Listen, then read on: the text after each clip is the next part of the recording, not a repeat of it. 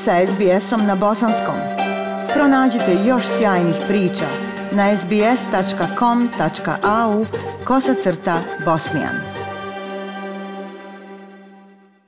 Poštovani slušalci, danas razgovaramo sa novoimenovanim ambasadorom Bosne i Hercegovine za Australiju i Novi Zeland, njegovom ekscelencijom, gospodinom Kemalom Muftićem, koji je u decembru doputovao u Australiju i prije par dana konačno predao akreditivna pisma guverneru Australije Davidu Harliju.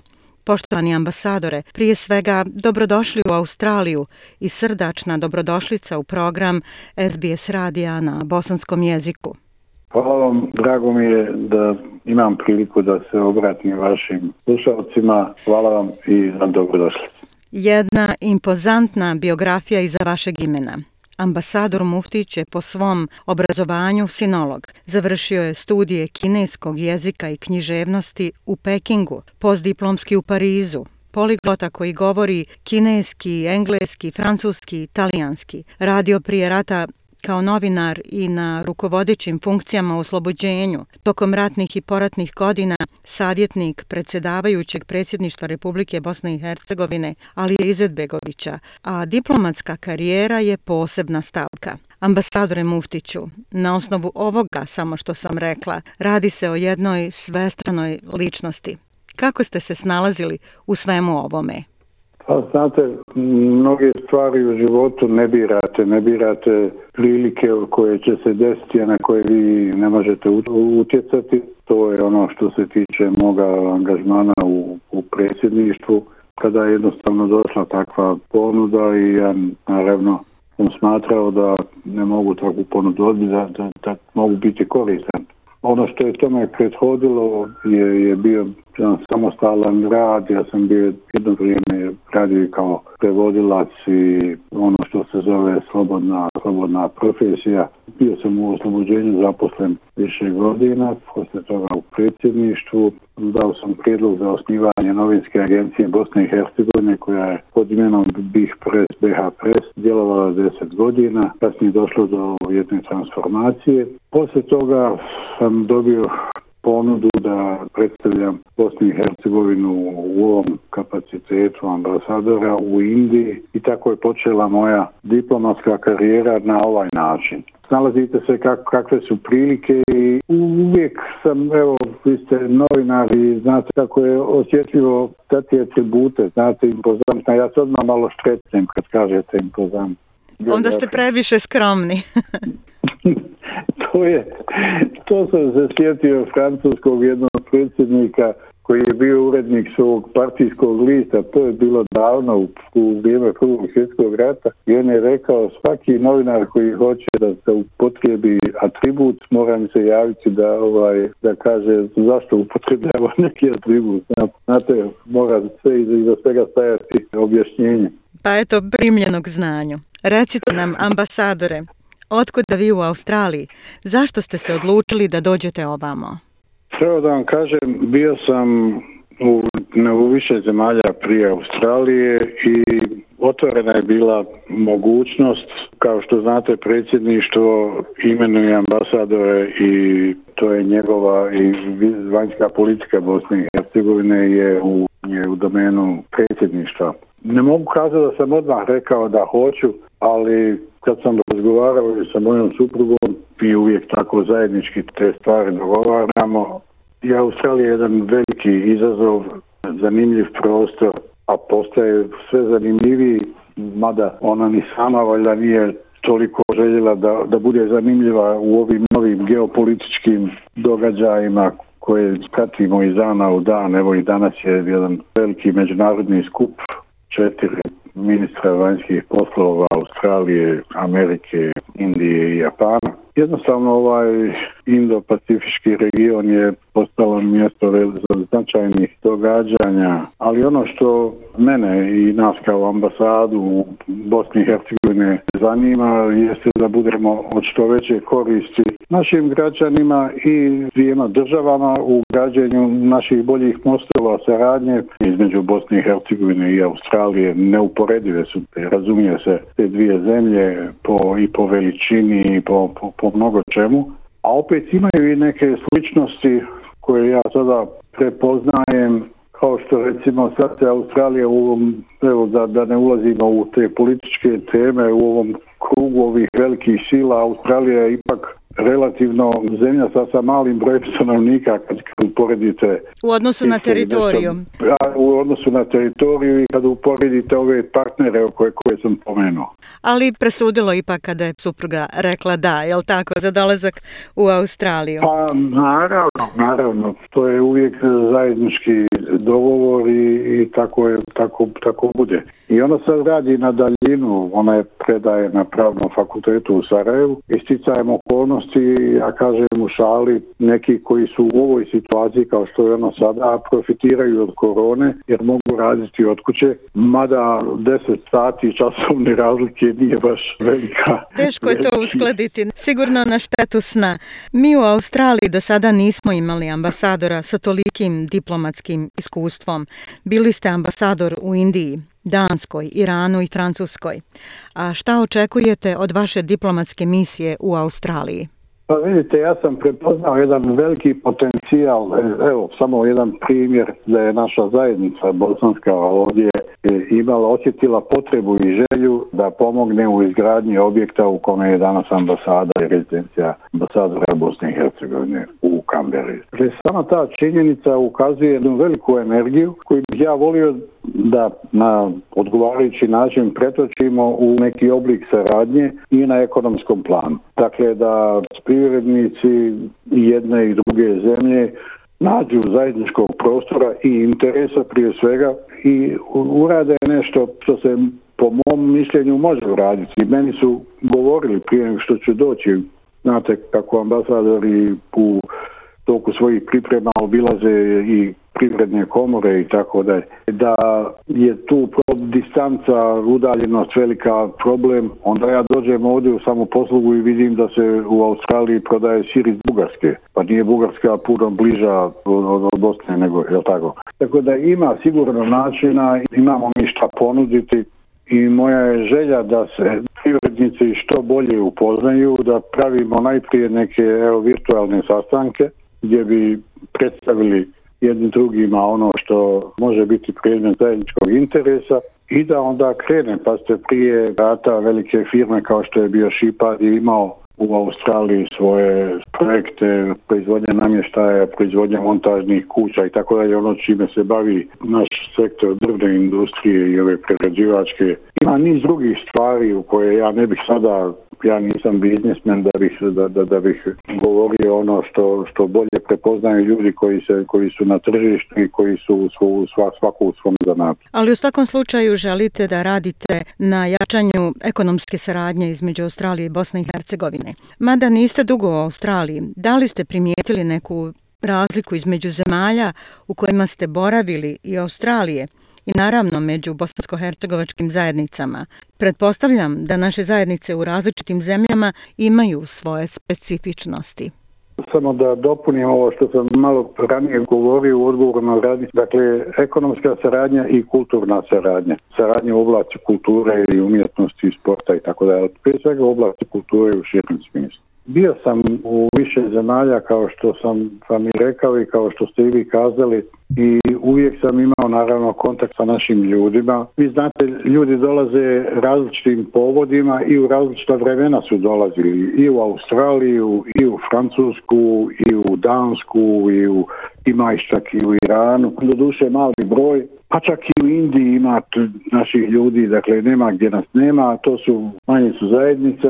I ima jedan fenomen kod ljudi koji od, odu, bilo da odu od svojom voljom, bilo da odu nakon onih dešavanja 90-ih godina, bez e, vlastite želje da napuštaju dom, da tako blago kažem. Vrlo često i gotovo uvijek ljudi emotivno ostanu iz onog trenutka, iz osjećaja koji su imali onog trenutka kad su, kad su došli ovdje ostavi jednu sliku koja se na određen način umrti i mobilizira o stanju u zemlji iz koje su došli.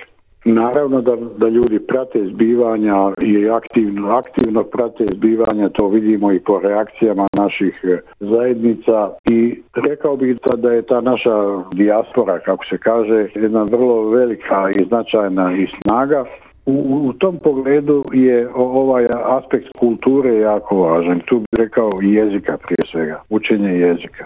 Ne smijemo zaboraviti ulogu ambasade. Vi ste upravo preuzeli kancelariju, stupili na dužnost ambasadora. Kako zamišljate svoju poziciju ovdje u Australiji? Pretpostavljam da ste razgovarali sa osobljem ambasade o nekim planovima i projektima za ovu godinu.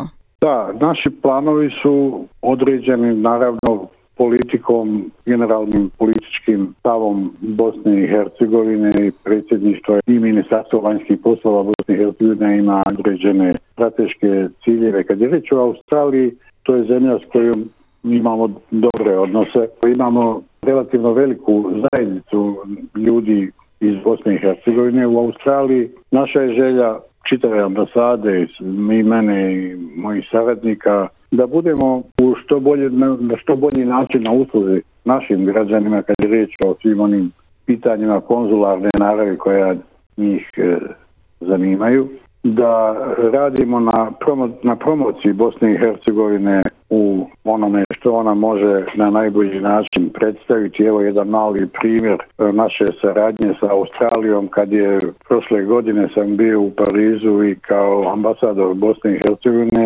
je u Parizu je i šef e, misije u UNESCO Ticajem okolnosti, ja sam bio u, u mandatu člana komisije UNESCO za zaštitu kulturnog nasljeđa svijeta. To je 21 član, 21 zemlja ima priliku u jednom mandatu da bude članica te komisije. To je vrlo važna komisija. Prošle godine smo imali posjetu ministrice za okoliš Australije u Sarajevu. Upravo tokom zasjedanja UNESCO-ve komisije za, za zaštitu svjetske kulturne baštine i mi smo podržali projekat zaštite velikog koraljnog grebena. Dali smo podršku vladi Australije i ja sam tom prilikom razgovarao i sa ministricom za okoliš koja je bila i u Parizu blizu i kasnije imala i po jednodnevnu posjetu Sarajevo. Malo prije ste pomenuli konzularne dane.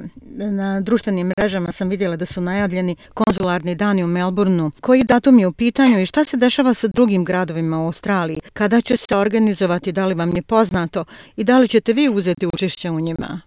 Imamo jasna pravila, mora biti određen broj e, zahtjeva da bi to putovanje e, bilo opravdano, jer konzularni dani podrazumijevaju premještanje imamo jednu mobilnu stanicu koja se preko interneta vezuje sa sjedištem u Sarajevu i to je jedan delikatan posao i treba ga dobro organizirati. Onog trenutka kad se, kad se steknu mogućnosti za to, onda će biti i, i konzularni dan. U, opet ponavljam u skladu sa, sa pravilima koja mi imamo u ministarstvu i brojem zahtjeva mislim da ima jedna, jedna brojka koja se traži, koja se očekuje da bi se... Mislim da, bi se, da je 25 u pitanju. 25 recimo da bi, se, da bi moglo biti opravdano premještanje tehnike i ljudi.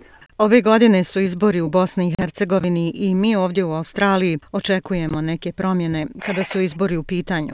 Vjerujem da su bosansko-hercegovačku zajednicu Australije i Novog Zelanda uvijek privlačili izbori, ali zbog dugog procesa puno ljudi je odustajalo od glasanja. Uvaženi ambasadore, da li smatrate da će se nešto promijeniti?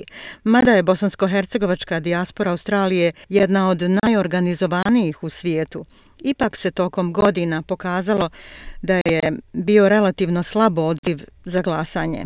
Kako vi, ambasadore, vidite rješenje da se odazove veći broj ljudi za izbore? Kao da vam kažem, to je ono što se naziva građanskim pravom i obavezom onaj ko osjeća obavezu da glasa, on će glasati. Imate na ovaj način na koji mi sada govorimo preko društvenih mreža i tako dalje, imate pritisak ljudi koji pitaju kada će to biti, na koji način glasati i tako dalje. Mi im damo sve podatke kojima mi raspolažemo. I onda se javi par desetina ljudi koji bi zaista to radili. Da vi ne možete zbog 20 ljudi napraviti izborno mjesto, čitavu tu organizaciju, ne bih rekao da je to u pitanju samo trenutna situacija da, da je kao interes povećan. I, u, nama se uvijek daje do znanja da je veliki interes, eto to je ono što sam spomenuo za atribute. Da znači veliki interes. Veliki interes se pokaže tako što veliki broj ljudi zaista dođe na glasanje. Nama ljudi pričaju, mi kad kažemo evo, bit će glasanje tog datuma, na tim i tim mjestima, onda oni koji su eto tako jako o tome puno govorili i jednostavno ne dođu. Tako da je to jedna ozbiljna tema i za razmišljanje u organizacijama naših građana na koji način animirati ljude zaista da ako žele dođu. Prošle sedmice ste na inicijativu počasnog konzula za Novi Južni Vels gospodina Amira Šahinovića imali priliku da putem Zuma upoznate predstavnike Bosansko-Hercegovačke zajednice i pojedince iz nekoliko saveznih država Australije. I koliko smo upoznati, sastanak je protekao u veoma pozitivnoj atmosferi i spremnosti i vas i zajednice za buduću efikasnu saradnju. Bosanci i Hercegovci Australije su veoma ponosni ponosni na ambasadu kao instituciju, a i samu zgradu koju su sami zgradili i doživljavaju je kao svoju kuću. Šta biste poručili našim građanima i svim slušaocima SBS radija?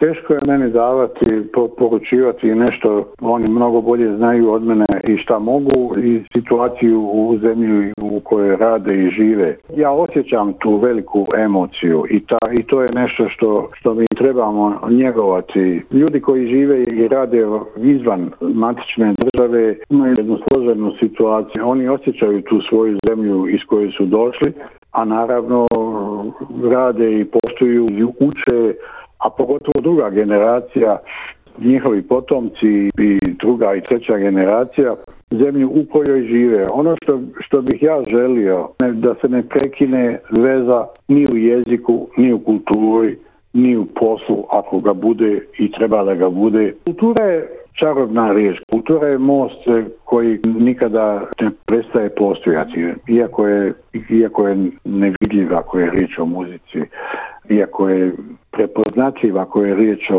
o dizajnu, evo vidite i, i ovaj naš objekat ovdje ima elemente bosanske kuće i to je ono što, što nikad neće prestati, što te emocije ljudi ne mogu i, i ne trebaju neće zaboraviti. Dakle, pošto mi ne možemo graditi budućnost samo na emocijama, moramo živjeti u realnosti u kojoj živimo, biti najbolji u onome što radimo, a istovremeno raditi na razvoju tih mostova. Kad dođu naši umjetnici, evo imamo priliku da je jedan od njih napravio stari bosanski stečak, pa je, pa je on u, u prostoru parlamenta Australije to je jedan memento, to je to je jedan spomenik koji nas povezuje sa ovom velikom zemljom imam jako mnogo prostora. Ono što ja što želim, što bih ja želio da se evo recimo neke naše škole povežu sa primjer radi muzejom književnosti u Sarajevu u Bosni i Hercegovini, institucijama kulture generalno, kao što se škola sa školom poveže, pa onda imaju neku razmjenu. I to ostaje, te veze ostaju i to su ti nevidljivi, ali vrlo čvrsti mostovi između zemalja i među, između ljudi i zemalja. Hvala vam na ovom razgovoru, uvaženi ambasadore. Želim vam puno uspjeha u vašem budućem radu, u vašoj misiji, da upoznate dobre strane ove prekrasne zemlje i da izgradite dobre mostove saradnje sa našim građanima. I samo da vas podsjetim da je saradnja između SBS radija na bosanskom jeziku i ambasade Bosne i Hercegovine u Kamberi uvijek bila izuzetna. Nadam se da će se naša saradnja nastaviti u buduće na obostrano zadovoljstvo. Hvala vam još jednom, ambasadore. Hvala i vama i kao što ste i sami rekli i kao što sam ja rekao, ambasada je vaša, ambasada je naša, ambasada mi smo, ovo je mjesto susreta i ako Kambera znači mjesto susreta, onda i ambasada treba da bude mjesto što češće susreta naših ljudi like, share, comment. Pratite SBS Bosnian na Facebooku.